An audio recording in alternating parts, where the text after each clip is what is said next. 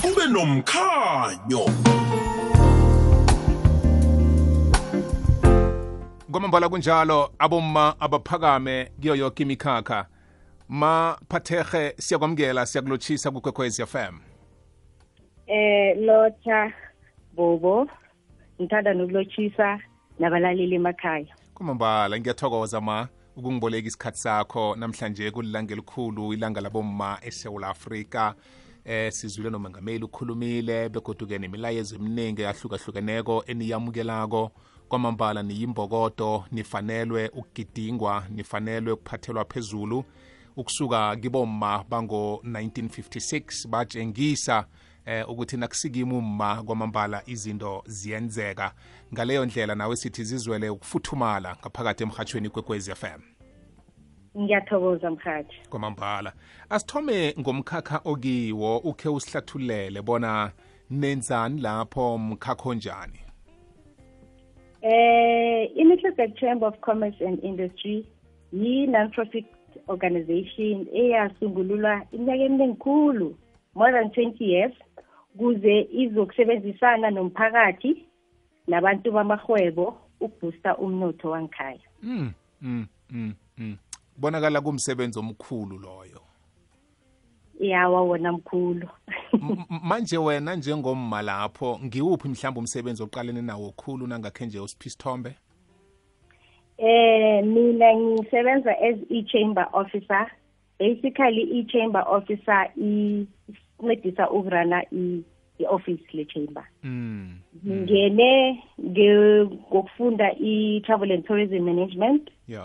Ngenza umsebenzi wobu-travel and tourism but as isikhathi sihamba kwabonakala ukuthi i can do more than i-tourism mm. so ngisiza in terms of ukwenza i-local procurement database. I-database le evulelwe umphakathi eh, mainly we-steve chwethe local municipality area ya. where sifaka abantu abanama-business ku-database sibasiza in terms of ukuba mentorisha sibasiza in terms of eh ukuthola igranti Mm. nama-loans for ukuthuthukisa amabhizinisi wabo ukhuluma iphuzu licakathekileko maphatheha yazi lapho ngoba abantu abaningi babona ukuba ku-database kungasinto eqakathekileko. Umuntu ulinda mhlanokha batsho ku-advertise umsebenzi othileko ukhona thulinga ukufaka isibawo lapho. Eh kanti kwesinye isikhathi kuba mnandi ukuthi ube ku-database ukwenzela ukuthi bakhona ukubona ukuthi ibhizinisi yakho nekhampani yakho eh nenza wuphi umsebenzi mhlambe nakuvuleke lawo mathuba ube ngu ba- babantu enza ukuthola qangi eh ukuthi sekunabantu abadingekako abenza umsebenzi eniwenzako. Eh awa i-database ibaluleke khulu. Njengathi e-chamber i-database yethu sisebenzisana nama-corporate companies. Angazi ngezidebele ukuthi ngiwabiza liphi. Iye zinkampani but um, yeah ama-corporate companies lawa athenga i-access ku-database. Mm. nangisathenga i-access bane-access kule database. So eminye imisebenzi asikho isidingo sokuthi bayi-advertise. Yeah. bavele baya ku-database ba-check-e ukuthi amakhampani wabomma enza into eziso imaphi ikhampani eyenza into ehlukile from lento abayifunako yiphi. So mina ngagcizelela ukuthi abantu abajoyine kuma-database yebo imisebenzi ayiphumi every day but umehluko uba khona. Kwamambala ngiyathokoza ukuthi sihlathulule umkhakha okiwo. Nasihlabela phambili-ke sigidinga ilanga labomma namhlanje yinyanga yabomma. Eh ungakhe nje uhlathulule kafitshazana soloko nawe waba eh kilama industry mhlambe ahlukahlukeneko ukuhamba uthintana nabanye abomma ngokwemikhakha yokusebenza njalo njalo ajame njani amathuba eh emikhakheni ekhona ukusekela nokusiza abomma Eh amathuba ukukhuluma iqiniso for abomma wona mancane. Mancane ama-industry lawa amaningi enguwo are-male dominated. Mara loko akusho ukuthi kumele sibe discouraged as abomama. mm. Ayaba khona ama-opportunity abakhona but mancane but lawo avulekako we need to grab them. we need to use those opportunities ukuthi siziprove ukuthi nathi sibomma we are more than capable of doing the job Mm.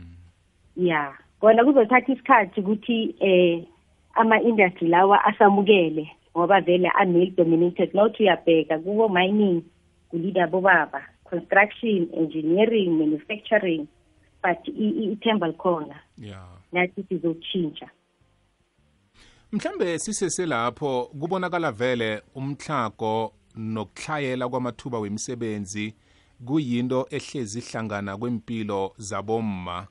And eh, kubonakala into leyo kwangathi isazokuthatha isikhatshana ukuchuguluka mm. ungathini mhlambe ukuthi sikwazi ukuthi abomma basizeke emathubeni avelako eh mhlambe nakuma projects akhona bakwazi ukuzibandakanya sofanisile isibonelo ngemikhakha ebanjwe mm. bobaba khulu ngikuphi ekufanele kwenzeke eh mina into engayisho ukuthi ukusaba nokungazithembi it hinders our success. That business idea ovuka nayo ekuseni go for it. Mm. thoma. Akhona amakhampani maningi le ofuna ukusebenzisana nayo mina ngasho ukuthi ukuthi vukela kiyo.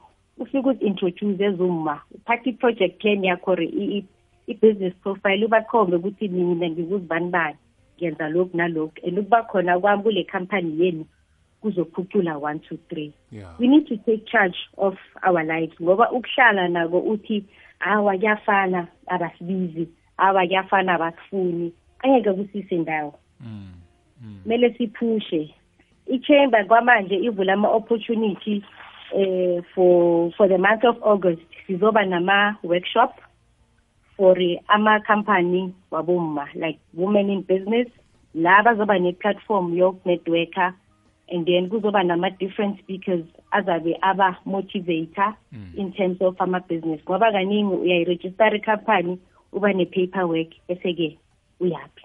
Yeah. so thina sizama ukuvala leyo gap ukuthi after so registerile thatha nathi step wenze so uye lana uziprepare ukuthi na uyofika kulezo zindawo nabathi into so so wena uyazi ukuthi uyenza kanjani. Mhm mhm. Eh ngithanda leli phuzo oliveza kulokuthi umuntu akazilungiselele umuntu akabe nomsebenzi ezandleni awenzako ngoba nakuvela ithuba lingamtholi kukhona sayokulungisa eh alimthole sekalilindela alimthole ajame ngomumo ukuthi alibambe.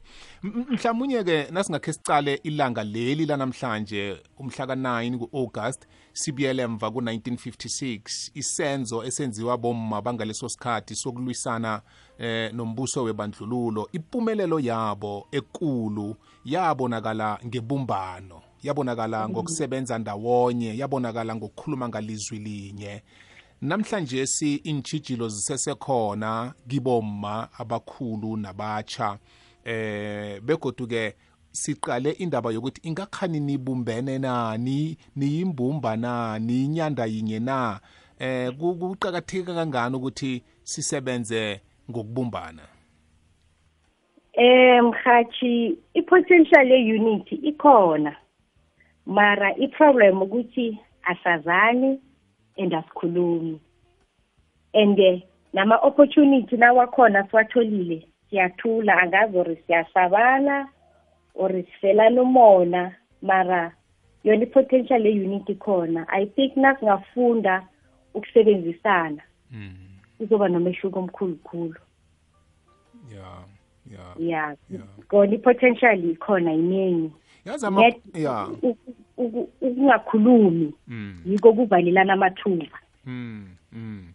Ama-project ayathoma emphakathini waboma wokukhulisa inkukhu wokuthunga wo- wokubheka eh wo- wokuthoma inkulisa eh nokuningi okwenza. Kodwa nakukhambe kukhambe kugcine sekubonakala kuphelela endleleni kuphelela endleleni kuphela umraro yini kanti eh la kinaboma ngendaba yokukhona ukusebenza ndawonye nonke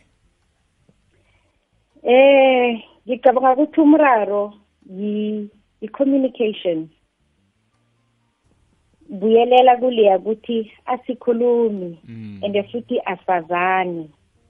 And nalento leyo yokuthi into yenza ubobo nami muthi ngayenza instead of ukuthi usize ubobo umotivate ubobo ukuthi aphumelele amakhethe yiko lokho kuzosiza ukuthi nasingafunda ukuba united and try to do things differently on our or, or as a as a collective. Kula sizoba nempumelelo khona. Ngikuze ukhuluma nge-workshop into engiyithanda khulu leyo eh nokuzibandakanya kiyo ngifuna ukukunikela ithuba ubuyekeze kancane lapho eh ukuthi i-workshop le mhlambe iza kuba nini yokuthonywa nini yokubanjwa nini eh zabe icale indaba ziphi ngoba okuningi mina okungithuthukisileyo empilweni ukukhambela ama-workshop eh ungakhe Yeah. nje ubuyekeze maphathege Okay, going back kundaba ye-workshop. I-workshop, i-more information will be given next week ngoba yona iplanelwe ukuthi izoba nge- ngeviki lokugcina laka-August. mm. La sizoba nama we are planning on having like four different speakers ababuya kuma industry ahlukile or benza imisebenzi ehlukile. yeah Kula workshop kuzoba nabantu abazokhuluma ngama digital marketing kuthi usele u- nase u- u- uthi ufuna ukuzimaketha ushonaphi and wenza njani? Because nawuthi uyabheka manje yonke into ihamba nge-social media. Mm. yeba khona amaphepha khona ama-word of mouth but i-social media i- i- yiningi like i- i- i-instant yeah so le workshop i- inale information eningi ezophuma ngeviki elizako izosharwa ku-social media page yethu i-page le-middleburg chamber of commerce and industry so now ungaya uyolayikha lelo page ukuthi nakuqala kuvela leyo information ube wokuqala oyitholako leyo information ye- yale workshop mm. Mm. yeah i-date beyingakaphumi Yeah. but we are planning on having it uh, on the last week ye-women's month Mm. So kuyoba kuyoba bomma kuphela lapho. Unfortunately kuzoba bomma kuphela ngoba sifocuse ekuthuthukiseni. Njengoba ngishizo ukuthi ku-database yethu nasithi siyaqala kudominate amadoda.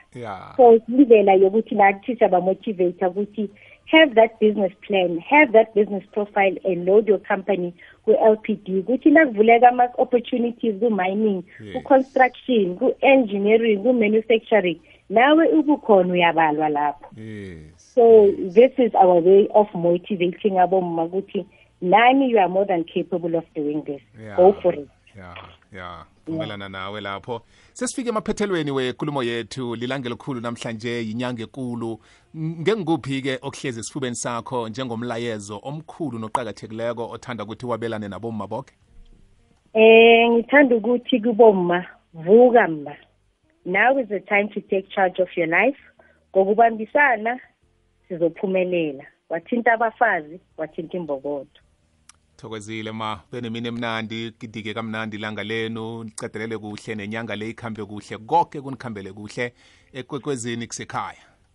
Awa sithokozile. Thokozile. Benemini emnandi. Nawe futhi. Ahake.